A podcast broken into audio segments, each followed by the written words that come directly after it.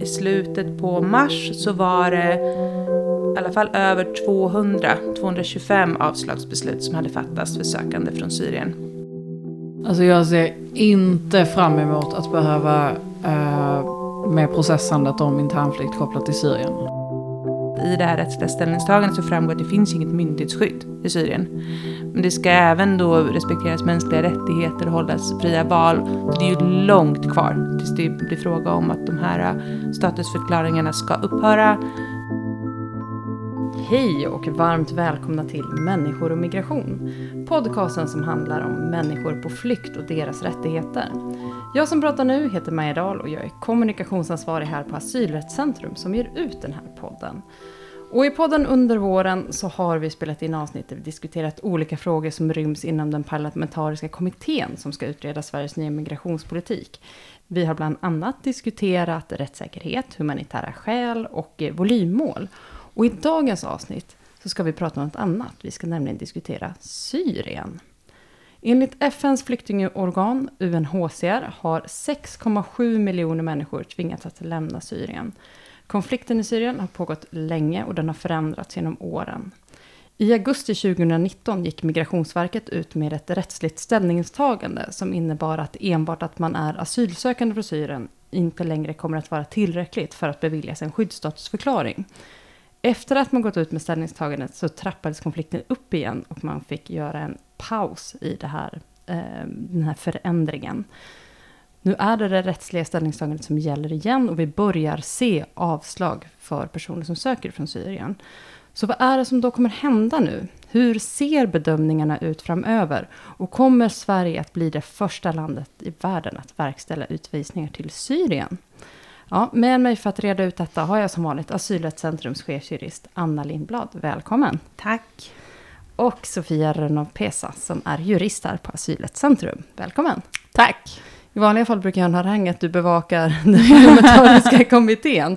Men nu är du ju här som jurist som jobbar med de här, ja. eller hur? Jag känner mig lite besviken att inte få någon special, uh, specialare, men jag, jag, får ta det. jag får ta det. Jag får ta det. Kommer tillbaka nästa gång. Ja. ja, absolut. Jag lovar att ge dig en mer pampig presentation. Det är inte sista gången vi snackar om den parlamentariska utredningen, känner jag. Nej, nej, nej, det, kom, det kommer ske igen. Uh, vi är ju som vanligt här i mitt kök. Eh, så som vanligt kan vi konstatera att eh, ljudkvaliteten blir därefter. Men jag tror att lyssnarna kanske har vant sig vid det här laget, eller vad tror ni? Ja, det får vi hoppas. Ja. Mm. Om inte annat så har de flesta vant sig vid att ingenting är som det ska längre. Ja, precis. Alla, alla är ju i kontinuerligt kaosläge, så det får vi väl bara glä inte glädjas åt, men vi, vi känner väl likadant. Liksom. Från ett kontinuerligt kaos till ett annat. Snyggt. Låt oss fortsätta med dagens ämne. Förlåt. Jag har, det är när en dröm av att någon gång jobba på radio, ska man säga. Um, men som jag sa inledningsvis så har ju konflikten pågått väldigt länge i Syrien. Och Anna, du har ju lång erfarenhet av att jobba på migrationsrätt och bland annat jobba på Migrationsverket. Och vi kanske följt den här frågan på ett annat sätt än många av oss andra har kunnat göra. Kan du säga något om hur utvecklingen av Migrationsverkets bedömningar har varit av Syrien då genom åren? Ja, eh, om vi ska backa bandet lite eh, med det som vi sa inledningsvis så säger man väl att konflikten i Syrien började eh, år 2011 och när jag började på Migrationsverket år 2012 då fattades det fortfarande avslagsbeslut. Det var en eskalerande konflikt men man visste ju inte hur långvarig den, den skulle bli. Utan då sa man att det här var någonting som man fick bedöma i samband med att beslutet skulle eh, verkställas. Eh, men eh, sen eh, så beslutades det i alla fall då om att Syrien skulle beviljas tillfälliga uppehållstillstånd på grund av situationen, för den blev ju snabbt väldigt allvarlig. Och sen i september 2013 så beslutade Migrationsverket att ge alla syrier som kom till Sverige permanenta uppehållstillstånd. Och därmed blev Sverige faktiskt först i EU med att ompröva situationen i Syrien och låta de som fått tidsbegränsade uppehållstillstånd stanna eh, och därmed även då ta hit sina familjer.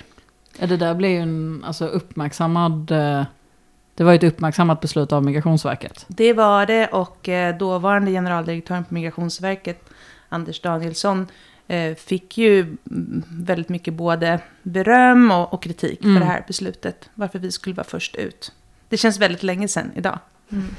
Mycket har hänt. Precis. Och sen så eh, blev ju konflikten i Syrien eh, väldigt långvarig och som vi har pratat om flera gånger tidigare eh, i podden så fick vi en ny lag 2016 som då innebar att de som kom istället fick tillfälliga uppehållstillstånd med en skyddsstatusförklaring. Och som du sa Maja, i augusti förra året då ändrades det här då.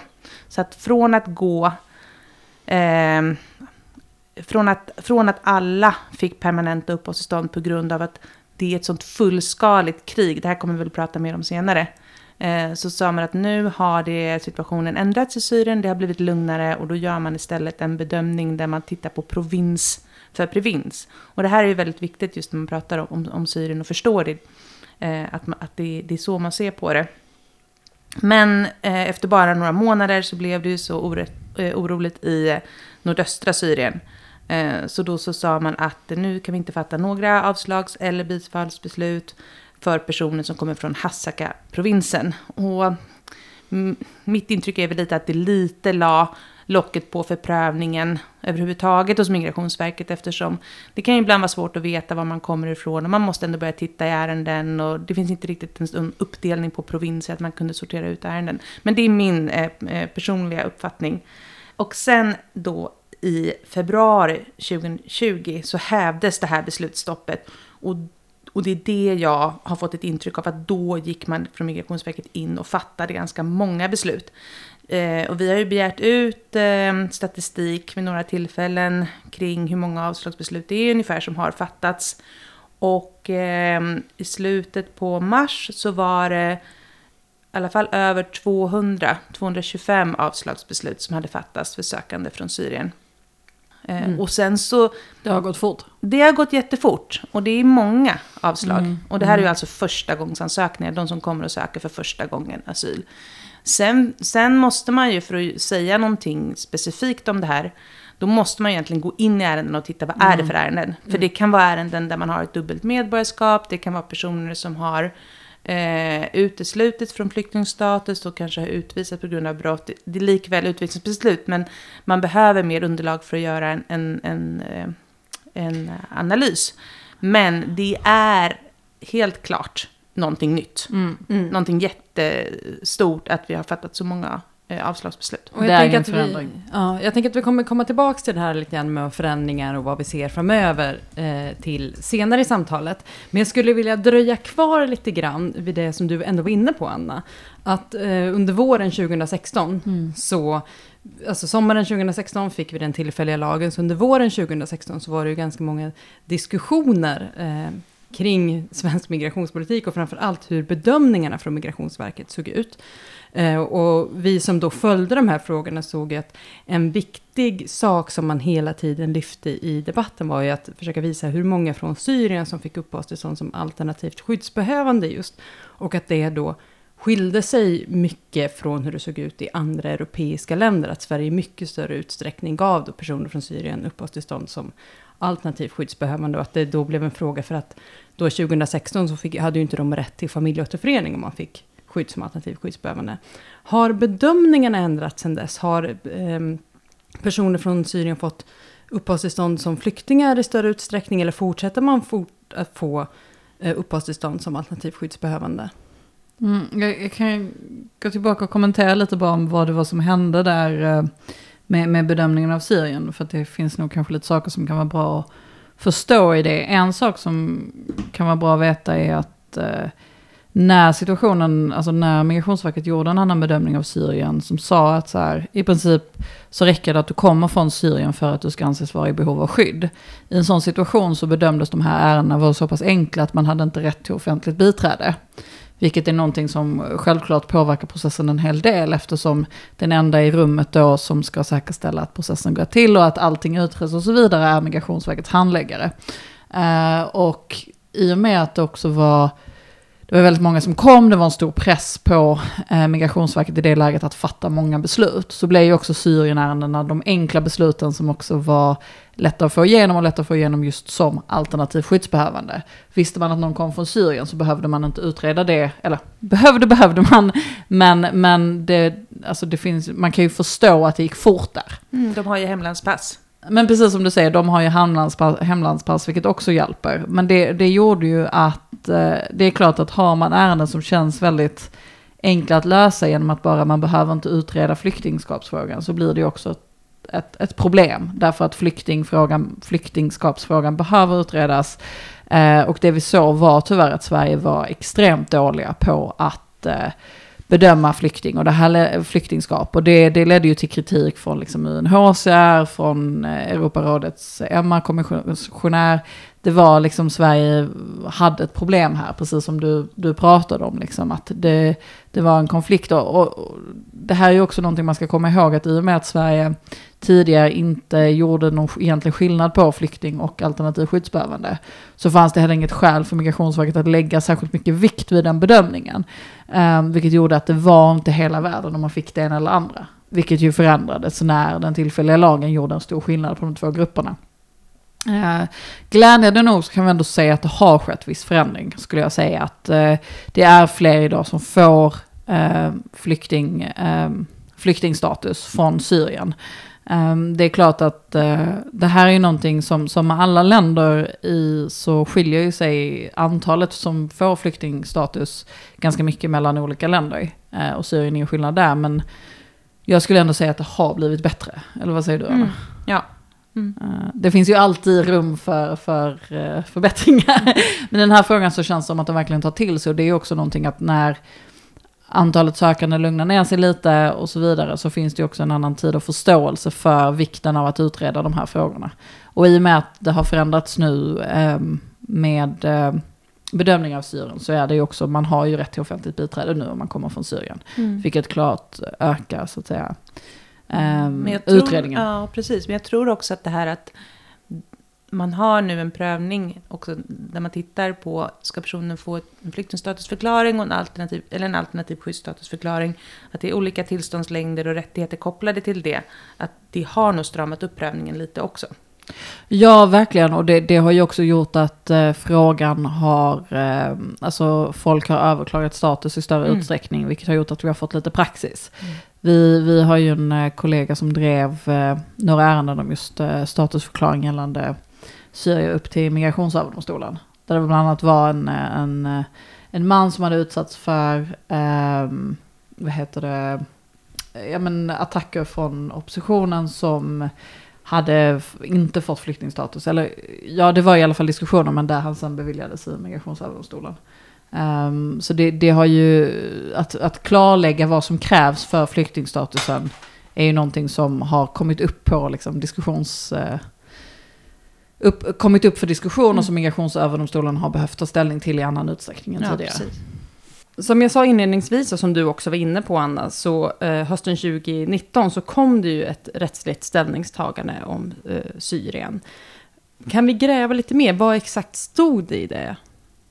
Mm, eh, precis. Eh, det som står i det, det är ju då vissa provinser, bland annat kända provinser som Aleppo, Homs och, och, eh, och Raqqa, där eh, säger man att det är en sån situation av generellt och urskillningslöst våld att alla som kommer därifrån ska anses som skyddsbehövande. Eh, men i övriga delar av Syrien, utom en eh, provins, så är det då eh, som ett mellanläge att det alltid krävs individuella skäl. Eh, för att man, man måste alltså själv bevisa att man kan, kommer utsättas för Eh, Eh, det här våldet som inte då anses så allvarligt som i de här andra provinserna. Eh, och som det tidigare var i hela Syrien. Eh, men sen säger man ju också då att det kan finnas möjlighet att fly internt till Damaskus. Och det här är ju, tycker vi, problematiskt eftersom i Damaskus är det ju också en säkerhetssituation som, som är då uppe på nivå att det är en inre väpnad konflikt, men inte den här då som ger alla uppehållstillstånd. Så vi menar ju att det är problematiskt att hänvisa till internflykt, för internflykt ska ju skydda personer. Mm. Eh, det ska ju vara, man ska ju komma till ett säkert ställe där man kan stanna långsiktigt. Det är ju det här att internflyktsorten ska vara ett relevant och rimligt eh, alternativ. Och det kommer ju från eh, UNHCRs riktlinjer. Och med att det är relevant, eh, grovt förenklat, så betyder det att man ska kunna ta sig dit eh, och, och, leva där då. Men sen om man tittar på rimligheten, då kommer det in som grundläggande mänskliga rättigheter, att man ska kunna hitta ett arbete, en bostad, man ska kunna leva under eh, accepti- eh, man ska kunna leva under acceptabla förhållanden och man ska också ha, vara skyddad mot att behöva fly igen. Och, och, där menar vi att det finns en motsägelse när man samtidigt säger att det här är eh, en, en ort eller en, ett område som, där det är en väldigt allvarlig eh, säkerhetssituation. Så det är det, här som, det här är det här som är svårt att greppa.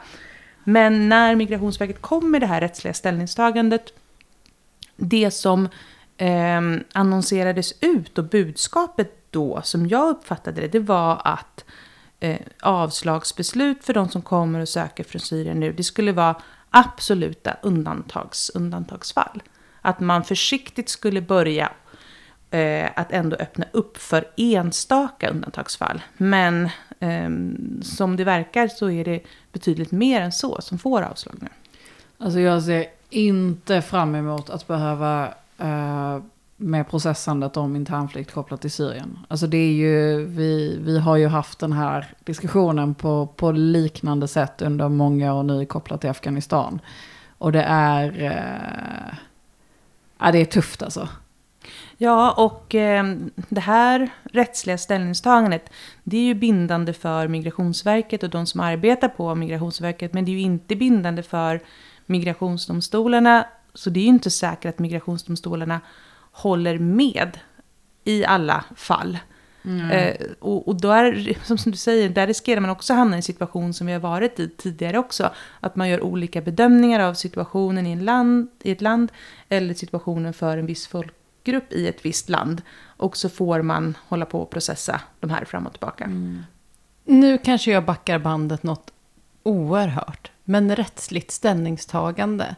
För personer som då inte jobbar som offentliga biträden eller inte liksom är inne i den här äh, rullen så att säga. Nu när du säger att, att migrationsöverdomstolarna inte behöver styra dem, alltså hur, vilken vikt har de rättsliga ställningstagandena? Hur kommer de fram? Mm. De rättsliga ställningstagandena bygger ju på att Migrationsverket i då den där maktdelning som vi har i Sverige, så har vi de verkställande myndigheterna och Migrationsverket ska ju då vara Eh, expertmyndigheten, alltså den som är bäst på sitt eget område. Eh, och därför så har ju Migrationsverket eh, flera olika enheter som arbetar med prognoser och landinformation och, och, och rättsligt stöd då, som, som jag själv gjorde. Eh, och man arbetar ju på delegation egentligen från en generaldirektör eh, som delegerar sin beslutande rätt. Och de rättsliga ställningstagandena är då som vägledning för de som arbetar på Migrationsverket och är bindande för, för dem. Migrationsdomstolarna lyssnar ju generellt sett på det som, alltså Migrationsverkets bedömningar. Det är ju i stor utsträckning att, så att säga, Migrationsverket, precis som du säger, är expertmyndighet. Men, men det är ju inget tvingande i den mån att de kan ju absolut komma till andra bedömningar av, uh, av läget. Precis, så är det. Att det inte alls givet, men oftast är det så. Mm. Men vi brukar också skoja och säga att det bästa sättet egentligen att få upp något till Migrationsöverdomstolen, det är när Migrationsverket sätter ner foten i en oklar rättsfråga, i ett rättsligt ställningstagande, mm. då kan det hända att Migrationsöverdomstolen vill säga vad de tycker i frågan. Mm. mm. Mm. Och då när det kommer fram ett sånt här rättsligt ställningstagande om, om Syrien, vad är det man har väckt in i, inför en sån, ett sånt rättsligt ställningstagande? Vad har man tagit in i den processen för att gå ut med att det här bedömer vi nu framöver? Oftast är det ju en landanalys. Inte sällan har det förutsegått av kanske en fact-finding-resa Ehm, eh, eller att en, ett annat land har gjort en sån resa, alltså åkt till landet i fråga och, och, och eh, tittat hur, hur, det ser ut. Eller att det, men det är ofta en ganska stor och gedigen landanalys som ligger till grund när man ändrar. Mm.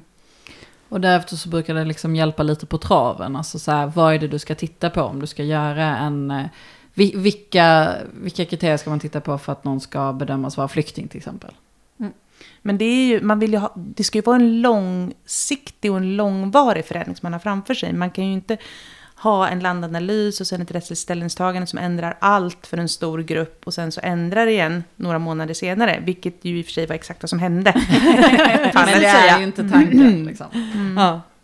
Men varför kommer det då i och med att du säger att det ska vara långsiktigt? I det här fallet såg att det kom ut ett rättsligt ställningstagande i augusti och sen så skedde det förändringar i oktober, november. Mm. Uh, och sen återigen så slår man på igen då i februari. Där kan man ju ifrågasätta långsiktigheten. Varför kommer det då inte ett nytt? Det är svårt att veta hur konflikter ska utvecklas. Och det är ju inte, det är inte märkligt att Migrationsverket också har fel ibland över hur, hur utvecklingen kommer att gå. Det, det såg ju ut som att det skulle bli bättre i Syrien ett tag och sen så blev det sämre igen och sådär. Eh, och det, det påverkar väl också när man väljer att komma ut med Ja, och, och min högst personliga uppfattning är att när man ändrade um, synen på Syrien på så sätt att inte alla längre skulle få uppehållstillstånd för att de kom från Syrien då enbart på den omständigheten, då var det ett, ett försiktigt steg att ta, att i några enstaka fall skulle bli fråga om faktiskt avslag och utvisning till Syrien. Men inte så många ärenden som det verkar vara nu. Ja, för om vi, om vi tar oss vidare då. Eh, nu vi har backat bak vad rättsligt ställningstagande betyder. Nu känner jag att jag är med på, på vagnen med er andra.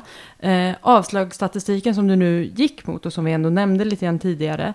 Eh, hur ser avslagsstatistiken ut då? Vi har begärt ut statistik vid flera tillfällen och den är inte alltid jättelätt eh, att läsa ut. Men jag vet att Migrationsverket gick ut i december och sa att det rörde sig om ett 30-tal avslag.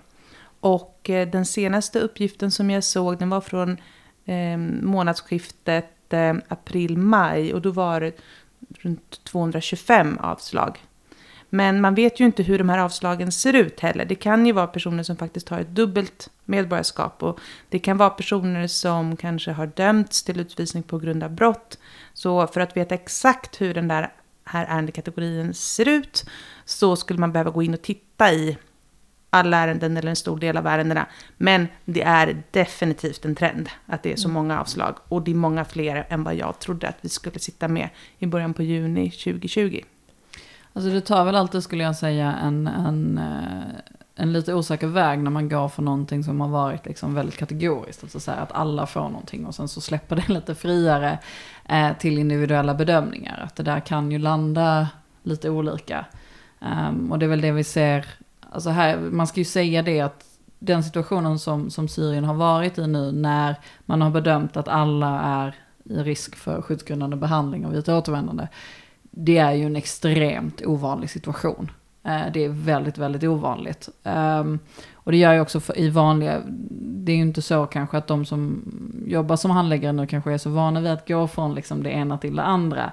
Eh, för det är väl egentligen bara Syrien och, och väl Jemen kanske som vi inte har så många sökande från. eh, Som exempel nu på när det där faktiskt händer. Så jag tror att det, det, det tar alltid lite tag att- veta var man faktiskt ska lägga sig och, och vad som är den rimliga bedömning. Vi har ju Mm. haft ganska mycket och jag, jag har inte kommit till Afghanistan för att det är det jag tänker lite på i det här men att, eh, att det har ju svårt att veta exakt var man ska landa i, i bedömningen där. Ja, jag tror absolut att det finns en risk att man istället tänker från att vi går ifrån den här extrema konflikten som har pågått i så många år och eh, krävt så många dödsoffer och fått så många människor att fly till en försiktig öppning där det finns då det här internflyktsalternativet som ska användas i undantagsfall. Och det, och det Ja. står i det rättsliga ställningstagandet. Ehm, att det, det är den övergången man ska tänka på. Men i och med att vi har så många år som också har präglats av just frågan om internflykt inom Afghanistan till vissa då provinshuvudstäder, då är det lätt att bara liksom tänka, ja men nu är det internflyktssituationen. Men det är jätteintressant det ni säger nu, och nu har vi pratat mycket om avslag, men tidigare i podden, och vi kommer väldigt ofta tillbaka till det här, är ju att man tittar på skyddsgrunder, och att vi pratar ju ofta om att de eh, nästan alltid förlängs, så att om du väl har fått en skyddsstatusförklaring så har du kvar det. Men om, ni nu, om vi nu får en ändrad bild av Syrien, finns det en risk eller kan man se att eh, personer som fått skydd som alternativt skyddsbehövande från Syrien, när de vill förlänga sitt uppehållstillstånd här i Sverige, eh, kommer att bli av med sin skyddsstatus? Nej, eh, det gör det inte. Och det står också i det rättsliga ställningstagandet att eh, ehm, det här innebär inte då att det har blivit någorlunda bättre utifrån den fruktansvärda konflikt som har varit. Det kommer inte innebära att eh, skyddsbehovet anses upphöra. Och det här ledde ju till en jättedebatt när det här rättsliga ställningstagandet kom då. Alltså varför ska man säga nej till de som kommer nu men de som är kvar, de ska få förlängt. Och det är helt enkelt kommer från internationella eh, konventioner och UNHCRs eh, riktlinjer att eh, har man en gång fått ett skydd då, krävs det mycket för att skyddsbehovet ska anses ha upphört. Och det här har vi pratat om tidigare i podden, men grovt förenklat i förhållande till Syrien så krävs det ju i princip att landet byggs upp, infrastruktur och myndighetsskydd är på plats. Eh, för det kan man säga, nämna också att i det här rättsliga ställningstagandet så framgår att det finns inget myndighetsskydd i Syrien. Men det ska även då respekteras mänskliga rättigheter och hållas fria val. Det är ju långt kvar tills det blir fråga om att de här eh, statusförklaringarna ska upphöra. Eh, och det är staten som har bevisbördan då. Medan de som kommer för första gången och söker, då är det de som ska bevisa att de har ett behov av, av skydd. Så mm. det finns ingen, det finns ingen så spegelvändhet i det resonemanget. Eh, men det får man upprepa hela tiden, för man stöter på de här frågeställningarna hela mm. tiden. Mm. Det är skönt med tydligt svar i den frågan i alla fall kan jag känna. Ja, jag kände också det. Att här, jag insåg det när du sa så här nej. Jag bara, det är inte ofta vi jurister bara säger nej. Men nej. i det här fallet är det ju så. Där vill jag lägga till att eh, i Danmark så började deras myndighet faktiskt att de återkallade några eh, alternativskyddsstatusförklaringar. Men där sa deras överklagande instans att det här går inte. Eh, mm. Så det var ju också positivt. Och eh, Ehm, ja, nej men så det är, det, där är vi inte alls ännu. Ja men det är bra i alla fall att vi fick eh, rätt sida på det. Eh, men det är som ni säger, det är fortfarande det är folk som har fått avslag. Eh, kommer Sverige börja verkställa utvisningar till Syrien? Är det det det här innebär? Ja, det är ju en jättebra fråga. Eh, jag har ju otroligt svårt att se att vi skulle kunna ha något slags samarbete då med Assad-regimen. Utan det blir väl så att vi kommer att fatta avslagsbeslut som vi inte kommer att kunna verkställa under en överskådlig tid. Ehm, och det är ju inget ovanligt i sig, men det är ju inte bra. Det är ju inte bra för tilltron till systemet och det är inte bra såklart för de enskilda som drabbas. Det som skiljer Syrienärenden lite ifrån några andra när det kommer till Eh, eh, återvändandeprocessen är ju som du nämnde innan att de ofta har pass. Vilket gör att det finns en, en aspekt av liksom den processen som redan är eh, klarlagd. Med, med det sagt så just som vi har pratat om tidigare i avsnitt om återvändande och sådär så Um, så krävs det ju också någon form av fungerande mm.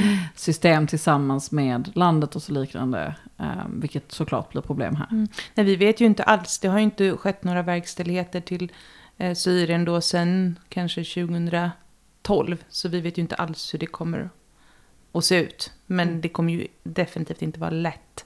Eh, och det kan ju vara så att, att det kommer också vara så att, precis som Sverige, vi var de första som beviljade permanenta uppehållstillstånd till Syrien på grund av situationen. Vi kommer kanske vara landet också som kommer vara först att ha flera verkställbara beslut. Mm. Alltså som där man har fått nej från Migrationsverket, nej från domstolen. Och sen eh, så har man ju ett verkställbart beslut om Migrationsöverdomstolen inte säger någonting annat. Och där vill jag också passa på att säga att vi är väldigt intresserade eh, på Asylrättscentrum att följa de här ärendena personer som får avslag och överklagar till migrationsdomstolarna. Så eh, om du är ombud eller biträde och har ett sånt ärende så får du väldigt gärna eh, vända dig till oss. Eh, så vill vi gärna både hjälpa till eh, men även kunna liksom göra en, en bra och korrekt analys hur ärendena ser ut. Och även om du lyssnar på det här eh, och känner en person som har nekat. Absolut. Så. Mm. Um, ni har ju varit inne och tassat lite grann. Uh, Afghanistan ju, har ju kommit upp ett par gånger under det här samtalet. Och det är ju så inom asylkretsar att man ofta hör att Syrien riskerar att bli vårt nästa Afghanistan. Mm. Uh, vad menar man med det och stämmer det? men vi har varit inne lite och pratat på hur bedömningen görs. Och jag tänker jag ska försöka bryta ner det lite så man kanske förstår. Um, alltså när vi, när vi pratar om krigsflyktingar som ju ofta i vissa fall då bedöms som alternativ skyddsbehövande och så vidare. Det är ju fråga om att det ska vara så pass allvarligt våld på den platsen man ska återvända till att varje person som återvänder ska eh, riskera att ja, utstå allvarlig skada. Eh, det är också så att eh, det finns eh, de gamla Elga Fadji-kriterierna från eh, EU-domstolen som säger det att ju högre så att säga det urskillningslösa våldet är, eller ju allvarliga situationen är i hemlandet, ju lägre behöver de liksom individuella personliga hoten mot personen vara.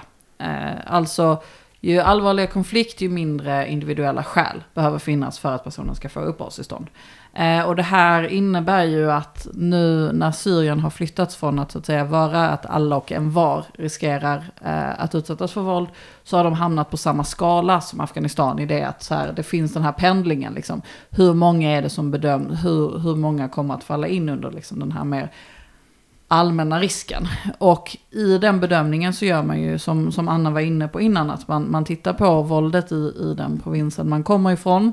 Och sen så ska internflyktsfrågan avgöras. Uh, och det som har varit den jättestora diskussionen i Afghanistan har varit just det att man har bedömt uh, tre områden som trygga, eller ja, trygga har man inte bedömt, men som inte uh, farliga egentligen. Och man har bedömt att det är platser som går att internfly till. Och i väldigt många ärenden så har vi ju sett att man har kunnat så att säga, göra bedömningen även för folk som bedöms vara i risk för allvarlig behandling vid återvändande till sin provins. Att de bedöms kunna då fly till de här, alltså Mazar el-Sharif, Herat eller Kabul. Och eh, det är ju klart att om vi tittar på siffrorna så eh, Afghanistan 2019 hade väl en beviljandegrad på 45 procent mm. någonstans där omkring. Medan Syrien låg på 97 procent. Um, så det är klart att om man börjar göra liknande bedömningar som man gjort med Afghanistan med Syrien så kan ju antalet beviljande gå ner rejält. rejält. Mm. Och det, det, betyder inte så att säga att man bedömer att Syrien som helhet har blivit bättre utan det är precis som du var inne på Anna, att det räcker egentligen med att enstaka områden bedöms vara så pass hög eh, funktionalitet eller ha en så pass trygg nivå att man egentligen hänvisar alla där till internflykt. Och vi, vi har ju varit ganska, det är ju, det är, det är många, det är, när det kommer till Afghanistan så skiljer sig bedömningen av Afghanistan som land rejält inom Europa.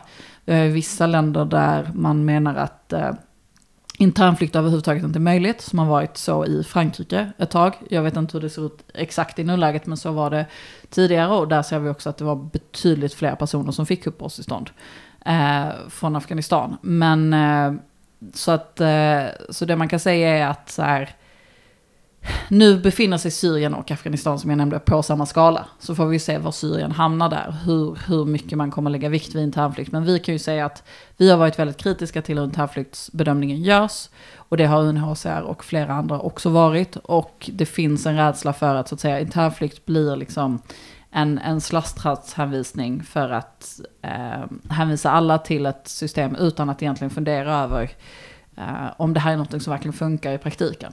Mm.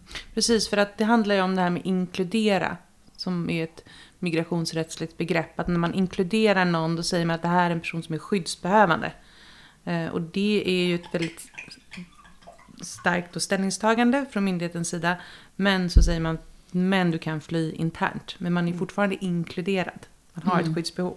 Nu, nu nämnde ju du statistik över Sveriges beviljandegrad när det gäller eh, Afghanistan. Och om vi nu ser att det kommer gå åt samma håll från Syrien så har ju en av våra, liksom en, en, kritik från vårt håll och från väldigt många håll har ju varit att Sverige har bedömt Afghanistan hårdare än andra länder. Eh, hur ser det ut om vi börjar liksom Afghanistan-frågan, hur det skiljer sig med liksom Sverige och andra europeiska länder så att vi kan se vart kanske Syrien är på väg? Ja, men det kan vi säga att Afghanistan, alltså jag skulle säga att alla länder skiljer sig i bedömning i olika europeiska länder. Det där är någonting, det där är ju ett av de förslagen som ligger på uh, gällande vad som ska komma hända i EU är ju ett av förslagen att man ska ha en gemensam liksom, asylbyrå där man ska alla bedöma Um, alla länder liksom på samma sätt i, inom EU, vilket skulle få en jättestor... Uh, det, skulle, det skulle innebära en stor förändring i väldigt mycket. Men, men, och, och det är inte bara positivt kan jag säga. Men, men med det sagt så, så ser vi jättestora skillnader och Afghanistan är ett av de länderna där vi har sett eh, nästan ovanligt stora skillnader skulle jag säga mellan länder. Jag kan inte svära på det men det har också varit för att det har varit så uppe i fokus nu de senaste åren. Eh, när vi... Eh, titta på länder som, som liknar Sverige. Och det här är ju någonting, vi, vi, pratade, vi har ju pratat en del om det här med nordisk nivå som har nämnts en del. Och Eh, Anna, du nämnde det i något avsnitt, minns jag, just det här att när vi pratar om vem vi ska jämföra Sverige med så kanske det är mer aktuellt att jämföra Sverige med länder som liknar oss i Mm. hur vi eh, förhåller oss till både EU och asylrätten snarare än kanske de andra nordiska länderna som har väldigt annorlunda syn på vissa saker och som också står utanför EU i vissa fall. Men där, där brukar vi oftast titta på Tyskland, Frankrike och Nederländerna som sådana länder som på något sätt har varit liknat oss. Um, och just när det kommer till Afghanistan har ju mycket av diskussionen gällt uh, Frankrike som ju um, inte har använt sig av internflykt på det sätt som vi har gjort utan där beviljandefrekvensen har varit mycket högre. Och det kan vi ju se om vi tittar på siffrorna från 2019 gällande Afghanistan så låg beviljandefrekvensen från Tyskland på 63 procent, Frankrike 74,8 så nästan 75 procents beviljande. Eh, Nederländerna låg eh, ganska mycket lägre, det låg någonstans 25-30 procent. Men de har ju också ett internflykts, eh, en internflyktsbedömning där. Ehm, och som jag nämnde då så är Sverige på 45 procent ungefär. Så betydligt lägre än både Tyskland och Frankrike. Och det här är ju någonting som är intressant just för att ofta så ser ju sig själv Sverige ofta som liksom snällast i klassen. Ehm, och när det kommer till Afghanistan som är en ganska stor grupp eh, av de asylsökande så står vi verkligen eh, absolut inte längst fram i klassen när det gäller beviljandefrekvens där. Vilket jag tror det där är en sån lite skev eh, självbild om man ska gå in på lite av de diskussioner vi har haft tidigare. Men, men som sagt, den här väldigt spretiga bedömningar som vi har sett kring Afghanistan, den riskerar ju absolut bli eh, liknande för Syrien. Ehm, att vi kommer se väldigt stora skillnader runt om i europeiska länder och där eventuellt liksom sekundärförflyttningar också kan dyka upp. Alltså att folk, ja, som vi har sett med Afghanistan. Okej, då, och nu för icke-juristen, vad är sekundära förflyttningar? Gud, det är så skönt att du är här och påminner om att man ska Mm. prata som... Eh, eh, det, det, det, är en, det är en jobbig insikt att man pratar som en jurist på något sätt. Jag, jag har insett att jag använder ordet händelseförlopp jättemycket i mitt vanliga liv. Och vänner i min närhet de säger att det säger inte vanligt folk, jag på att säga. Eh, vilket jag tycker är händelseförlopp är ett extremt användbart ord. Mm, synnerligen använder man också alldeles för mycket. Mm. Ja, eh, det, det, men, men sekundära förflyttningar för, för de som av någon outgrundlig anledning, just det, nu säger jag outgrundlig också, av någon anledning inte vet vad det är, nej. Ehm, så här var det ju att eftersom det fanns en så stor skillnad på bedömningar gällande Afghanistan så såg vi också att vissa personer faktiskt lämnade Sverige och sökte asyl eh, på nytt ehm, i bland annat Tyskland och Frankrike. Och som EU-systemet är uppbyggt så ska det ju generellt sett inte gå att lämna in en ny ansökan eh, eftersom vi tittar på det gamla liksom, Dublinförordningen och systemet. Men där gjorde faktiskt Frankrike i några, eh, i några fall bedömningen att, så att säga att pröv, de kunde inte stå bakom så att säga, den prövningen som var i Sverige utan man dömde att det var så farligt att, att utvisa till Afghanistan att man gjorde en annan bedömning än Sverige än- ändå. Och, och valde att liksom göra, eh, och valde, valde att bevilja. Ehm, och det här är ju alltså extremt Mm. ovanligt i, i europeiska fall. Jag menar hela den europeiska tanken går ut på att vi litar på varandras beslut. Vilket ju också säger hur, eh, hur på sin spets det har varit med Afghanistan och kommer definitivt bli det om, om Syrien går samma väg. Det här är ju, jag tänker under många år nu så har ju Syrien varit de på något sätt vi har likställt med flyktingen, så att säga. Alltså den mediala bilden, liksom om vi tänker dem, det har varit liksom, kriget i Syrien är väldigt enkelt att förstå. Det är inte alls på samma sätt som, som Afghanistan, skulle jag säga. Det, det är en lättare konflikt att ta till sig på vissa sätt. Eh, så att jag, jag tänker att det, det kommer också bli väldigt kontroversiellt om vi ser väldigt stora skillnader mellan Mm. länderna. Precis, det har ju varit storskaligt inbördeskrig med stormakterna inblandade och Afghanistan en föränderlig konflikt med klanbaserat samhälle. Så det är absolut skillnader. Och det är väl det som är så viktigt att, att förmedla då att man för varje land så måste man verkligen eh, ja, verkligen analysera hur konfliktsituationen ser ut och i förhållande till till exempel internflykt. Men man ska ju säga det också att det var ju många som lämnade Sverige, precis som Sofia sa, för eh, Tyskland och Frankrike. Vissa fick tillstånd, vissa kom tillbaka och barnfamiljer som kommer tillbaka, de står helt utan något stöd då. De omfattas liksom inte av något system och eh, har ju hamnat väldigt illa har ju hamnat väldigt illa ut av Mm. det. Ja, Och vissa det- som har lämnats med liksom fast i hemlöshet i, i Ja. Frankrike utan liksom varken att känner att de kan återvända Mm. eller, eller stanna i Frankrike. Det har ju varit väldigt tuffa liksom, situationer vi har sett. Mm. Vi hoppas ju verkligen inte att Syrien går den vägen utifrån det perspektivet. Nej. Det börjar bli dags att avrunda dagens samtal med den där deppiga delen. Och Mm. vi har ju försökt hitta olika Men sätt. menar om vi pratar om Syrien, vad förväntar vi oss? Det kommer liksom inte landa bra. Är, Nej, nej, nej. så nej, är det ju. Jag, jag, är, jag är med er. Eh, men vi har i alla fall här försökt hitta liksom något sätt att, att knyta ihop det hela. Vi började med att försöka hitta något, att vi skulle hålla i goda nyheter, men de vart sällan varken Mina var ju så goda. extremt krystade så att jag, jag känner att jag, jag tror ingen har värde av att höra. Nej, igen det var varken eh, goda eller det var inte nyheter. Och sen försökte vi bara köra nyheter i något sista desperat försök. Men det, det var ju inte heller nyheter. Så jag tänkte att vi, jag tar en sista försök nu att försöka hitta ett sätt att knyta ihop säcken. Och i vanliga fall så har vi ju en kaffeautomat, eller snarare en kaffebryggare som vi brukar stå och diskutera med våra kollegor kring. Men nu har vi liksom digitala eh, kaffemöten med våra kollegor. Vad, vad gafsar ni om? Vad är den hektiska diskussionen som ni har vid er fiktiva kaffeautomat numera? Det vi har pratat en del om eh, de senaste veckorna det är ju det här eh, prövningstillståndet i Migrationsöverdomstolen. Eh, Ehm, som rör frågan om eh, ett barn som har fyllt 14 år eh, kan ha eh, ett sånt privatliv i eh, Sverige att det skulle strida mot internationella konventioner. Att utvisa det här barnet. Och i början så var vi ju jätteglada över det här prövningstillståndet och det är vi ju fortfarande. För det betyder ju att Migrationsöverdomstolen kommer säga någonting om det här. Men sen har man ju börjat fundera lite på, ja men 14 år och vad är det egentligen man ska titta på? Mm. 14 år borde ju vara självklart att man har ett privatliv. Eh, vad kommer man säga om legal och illegal vistelse? För där finns det ganska tuffa avgöranden från Europadomstolen. Och så vidare, och så vidare. Mm. Ja, det, det, är ingen, det är inte självklart hur det kommer gå i det här målet. Jag tror att det finns mycket som ändå visar på att eh, eh, det, det skulle vara en kränkning av så att säga privatlivet. Men, men det är klart att det finns argument åt bägge hållen. Eh, det Precis, som är... är, det en tillåten kränkning? ja men precis, Mm. nej, Nej. Ja, inskränkning, Nej, ja, inskränkning. kränkning, Mm, ja, nej. skitsamma. Ja, precis. Är Det det, är- det en... Det är en inskränkning är ju utan tvivel. Men jag tror också det är en kränkning. Men, men ja. Eh, men, men det, det som är särskilt intressant med den här, eh, eh, det här avgörandet är ju att det kopplar an till en av de sakerna som den parlamentariska utredningen går in på. Yes, nu, fick jag, nu får jag prata om utredningen ändå. men där är det ju liksom, det här går ju in i just humanitära skäl-diskussionen.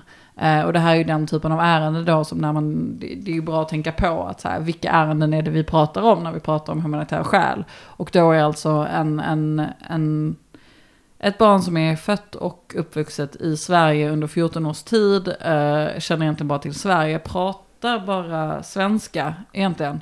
Eh, har, ingen, har aldrig varit i, i hemlandet och så vidare. Det här är den typen av liksom, extrema ärenden vi pratar om. Det, det är bra att ha exempel. Mm. Och det finns ju också, om, om man vill veta lite mer om det här och vad det innebar när det, när, när det begav sig, så att säga, när vi först upptäckte nyheten, så gjorde, ringde ju jag dig, Anna. Mm. Så vi, det ligger en litet klipp på Människor och Migrations Facebook-sida om man vill veta mer vad det handlar om. Så, även fast du väldigt förtjänstfullt gick igenom det nu, såklart. Eh, Sofia, du som då inte gafsar, vad, vad pratar du om vid din fiktiva kaffeautomat? Ja, men jag, jag har tänkt en del på, alltså vi, nu när den här eh, terminen slutade för studenter så eh, har jag tänkt mycket på gymnasielagsungdomarna. Och det är också någonting vi har pratat om. Det här är ju, Så säga, om man räknar lite på det så tror jag att de som gick ut nu, en, en, en stor del av de som har fått uppehållstillstånd på gymnasielagen kommer att ha gått ut studenter nu och deras sex månaders frist börjar, bör, börjar komma igång. Det är alltså så att har man fått uppehållstillstånd på gymnasielagen så har man sex månader på sig eh, efter att man har tagit studenten att hitta en tillsvidareanställning i princip. Eller en, en långvarig anställning. Eh, och eh, det har ju, alltså coronakrisen har ju slagit mot alla och möjligheten att få jobb har minskat rejält och möjligheten att få tills vidare jobb beskriver ju många som nästan till omöjligt liksom. Eh, så att eh, vi funderar lite på, alltså det här, vi kommer börja se den här gruppen som många har ömmat för och många har varit engagerade i. Att den här frågan kommer att bli än mer aktuell liksom. Och eh, vi, vi är nog liksom ett halvår från en, en stor diskussion om det där. Det när, tror jag också. Mm. När de här... Eh, så det, det, det är någonting att redan nu liksom fundera över när vi pratar om liksom vad, Mm. vad, vad som ska hända med de här ungdomarna. Vad ska man göra? Det är någonting vi... Det är de indikationer vi har fått. Att nu kommer liksom första ehm, kullen som faktiskt får en examen på eh, gymnasiet eller på vuxenutbildning. Mm. Som ska hitta sitt arbete. Det var ju nu de skulle få arbeten. Mm. Och så kommer en till jul och så, och så vidare. För den gruppen kunde ju verkligen inte corona ha kommit vid samma Nej. tillfälle får man ju säga. Det har ju verkligen förändrat situationen en hel del för hur den här lagen var tänkt att fungera. Och där har ju Asylrätt Centrum eh, ett projekt som ska börja, som vi kör tillsammans med Right to Play, som ska titta på hur, eh, ja, men vilka, vilka metoder man kan jobba med de här eh, ungdomarna. Så att det finns ändå någonting gott att hålla i, hålla i när man tänker på dem. Ja, och det ska man säga. Asylrättscentrum har, eh, vi har- varit involverade i den här frågan länge och det finns mycket material att, att läsa på hemsidan för att eh, förstå gymnasielagen och så vidare. Och det är ju verkligen, eh, och där igen alltså så här, har man funderingar kring det eller känner ungdomar som är i den här situationen så, så finns vi ju tillgängliga om man behöver. Absolut. Ja. Ja, själv så har jag ju stått, eh, som jag ofta gör, Förlåt, och du Maja? Ja, tack Nämen, tänker ni på mig? Nej, Klart också. eh, men Jag då som eh, hänger mycket på internet i och med att jag är eh, kommunikatör, har ju, har ju genom åren kunnat följa olika frågor om vad det finns rykten, eller vad det finns missförstånd, eller vad det är man inte riktigt tror kring, kring de här grupperna som söker asyl. Det, fi- det finns ju ofta liksom Um, en misstro kan det ju vara ibland på vad, på vad det är som gäller. Och den senaste frågan som jag har upptäckt har börjat liksom komma upp och som nästan alltid nu kommer som en kommentar på saker och ting som vi lägger upp, framförallt på Facebook om det får stor spridning, så eh, är det frågan om semester. Eh, att personer som eh, sökt asyl i Sverige, beviljats asyl, åker på semester till de länder som de då absolut inte skulle kunna få skydd i och att det är något skumt med det. Och de här ryktena dras ju så, till, så långt att man går ut med och säger att eh, personer som i väntan på sin asylansökan ändå åker hem till det landet som de då påstår sig inte kunna eh, bo i. Eh, så det här får man ju verkligen gå in och, och, och argumentera. Och då tänkte jag så här, när jag nu sitter med er två, superjuristerna, ge mig era bästa svar på de frågorna. Mm. Ett, gillar titeln superjurist. Extremt för den. Eh, men men eh, alltså det där, är ju, det där kan ju vara förvirrande. Eh, Men, men alltså det första och absolut tydligaste att säga är bara att om du har en flyktingstatus kopplad till landet där du är medborgare och det är därifrån du har uppehållstillstånd på den här skyddsstatusen och du återvänder till ditt hemland, då är det skäl för att din flyktingstatus upphör. Mm. Eh, Så att så här, den här idén om att en, en, en person som har uppehållstillstånd som flykting kan resa hem när de väl har fått det uppehållstillståndet, det, det, det är felaktigt. Så händer det så eh, är det skäl för att ta tillbaka uppehållstillståndet. Så eh, hela liksom själva tanken att här, det är orimligt att någon får skydd från ett land och sen så bara åker tillbaka till det landet. Det, det är eh, orimligt så att säga. Och så är det inte liksom. Nej. Med det sagt så kan det finnas fall där personer återvänder till länder eller åker till andra länder. Mm. Som då kan liksom uppfattas som att man